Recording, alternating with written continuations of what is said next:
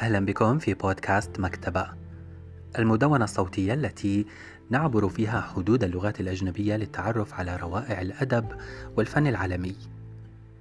في الحلقة الثالثة سوف نتعرف على رواية أمريكية مشهورة جدا وهي جاتسبي العظيم. تعتبر هذه الرواية واحدة من كلاسيكيات الأدب الأمريكي وإحدى أهم الوثائق الأدبية التي أرخت عقد العشرينيات الصاخب وهي فترة مفصلية شكلت نقطة تحول في حياة الأمريكيين أخلاقيا وماديا واجتماعيا.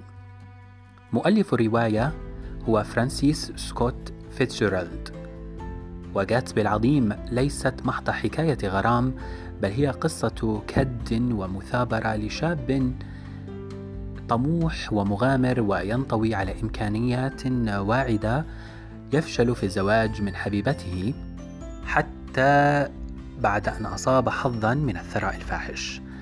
فإلى جانب التوثيق التاريخي والاجتماعي لحقبة عصر الجاز فإن الرواية تعطي في تفاصيلها المعات إلى أحداث شخصية في حياة كاتبها. إذا لم يفلح فيتزجيرالد في الوقوف على بعد من حياته الخاصة وهذه إحدى سمات أسلوبه الذي يتميز بكثير من إسقاطات التجربة الشخصية والسيرة الذاتية.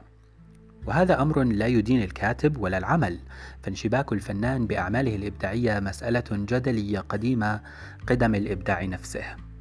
تحكي لنا هذه الرواية التي تدور في العام 1922 في نيويورك في عز سنوات عصر عصر الذهب الأمريكي المجنون على لسان شخصية تدعى نيك كاراوي. ذلك الشاب الثلاثيني الآتي من قلب الغرب الأمريكي الأوسط ليعيش في نيويورك حيث يمارس تلك المهنة التي سيكون لها هي الأخرى عصرها الذهبي لاحقا مهنة المال والمصارف. والحقيقة أن كراوي حتى وإن كان يلعب دورا أساسيا في الرواية التي يحكيها لنا ليس هو البطل هنا.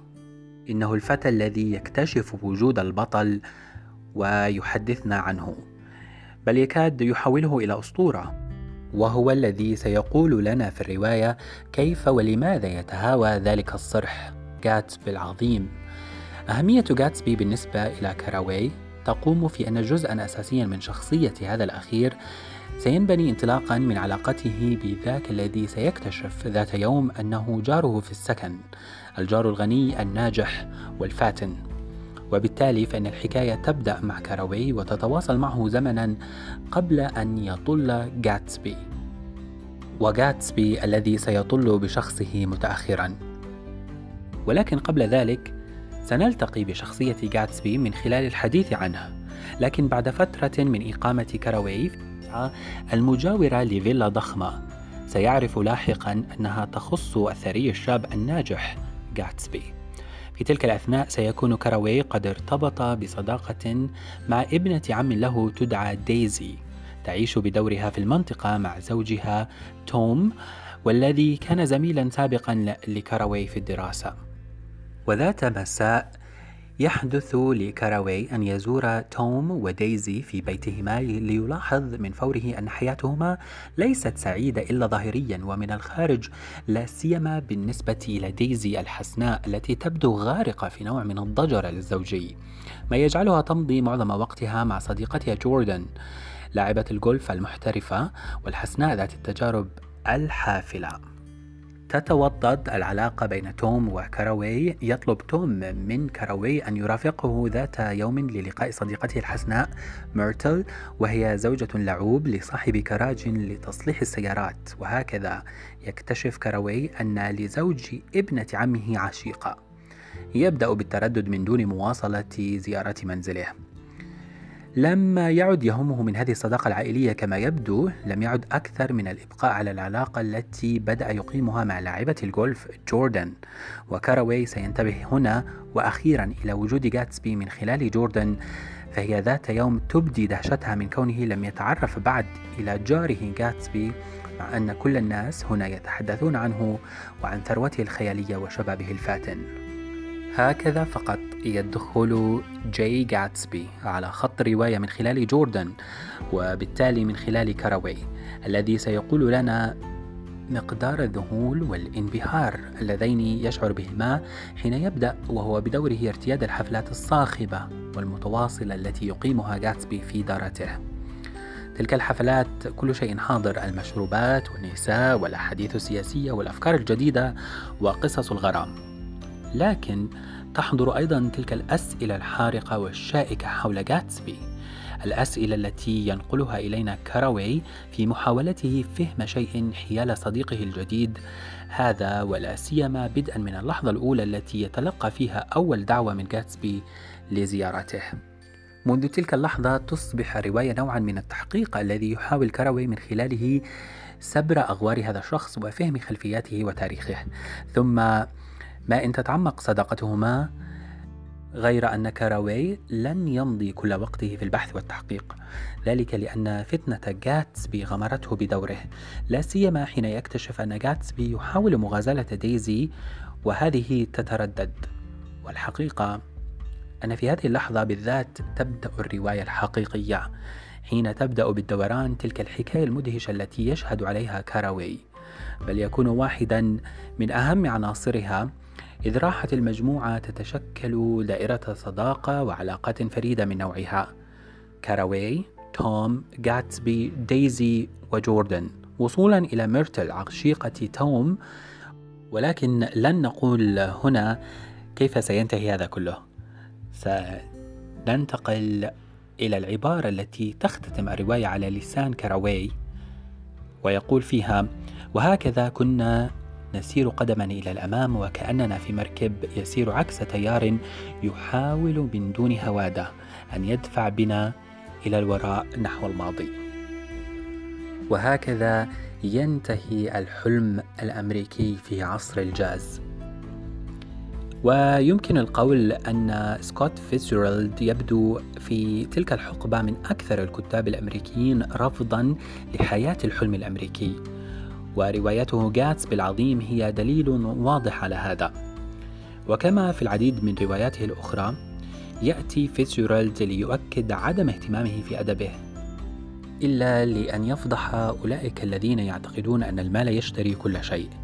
المال يجعلهم قادرين على الحصول على ما يستحقون وبخاصة على ما لا يستحقون وهم غالبا ما يفشلون. تماما كما حال بطل هذه الرواية. كما نرى في الفصل الأخير أن نيك كاراوي يرثي جاتسبي الذي لم يحضر جنازته غير القليل ولم يحضرها أحد مما كانوا يتوافدون على حفلاته. يقطع نيك علاقته بجوردن ويعود إلى الغرب الأوسط هاربا من حياة الأثرياء ومن الحلم الأمريكي المادي الحسي. بالإضافة لأهمية هذه الرواية لتاريخ عصر الجاز الأمريكي إلا أنها تمتلك أبعادا أخرى وتحتوي على كثير من الإسقاطات الإنسانية عن الأحلام المجهضة في عالم الأثرياء الفارغ الجنوني والقيود التي تربطنا بالماضي. فها هو الشاب المثابر جاتسبي الذي أصبح يملك كل شيء يقيد نفسه بقيود الماضي بحبيبته دايزي رغم امتلاكه مستقبلا مشرقا.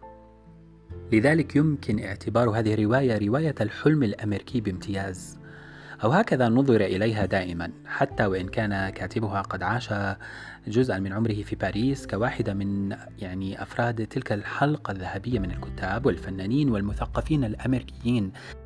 الذين فضلوا الحياة في عاصمة النور على الحياة الأمريكية والذين صورهم المخرج والممثل وودي آلن في شكل بديع في واحد من أفلامه الأخيرة ضوء قمر في باريس مصورا في طريقه فيتشيرالد نفسه وامرأته الحسناء زلدا.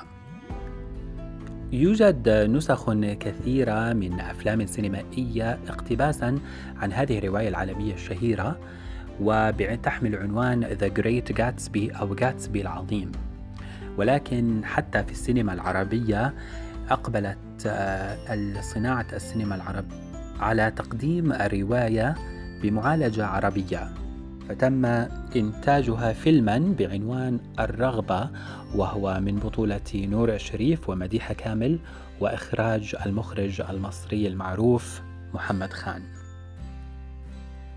يعتبر جاتسبي العظيم أو The Great Gatsby رواية عالمية مهمة جدا وسلسة القراءة سواء باللغة الإنجليزية أو باللغة العربية. لذا أنصحكم بقراءتها والتعرف على الحلم الأمريكي في عصر الجاز. إلى هنا وصلنا إلى جولتنا لليوم في هذه الحلقة من روائع الأدب والفن العالمي التي سافرنا فيها إلى نيويورك في عشرينيات القرن الماضي. أتمنى أن تكونوا قد استمتعتم وتعلمتم شيئا جديدا من حلقة اليوم في هذا البودكاست وأريد أن أذكركم أن تستمعوا إلى البودكاست عبر تطبيق SoundCloud Spotify أنغامي و TuneIn و Google Podcasts وأيضا متابعة البودكاست على مواقع التواصل الاجتماعية. لكم مني أطيب الأمنيات أنا محمد صادق وألقاكم في حلقة جديدة وفي رواية جديدة في الحلقة القادمة إن شاء الله. إلى اللقاء.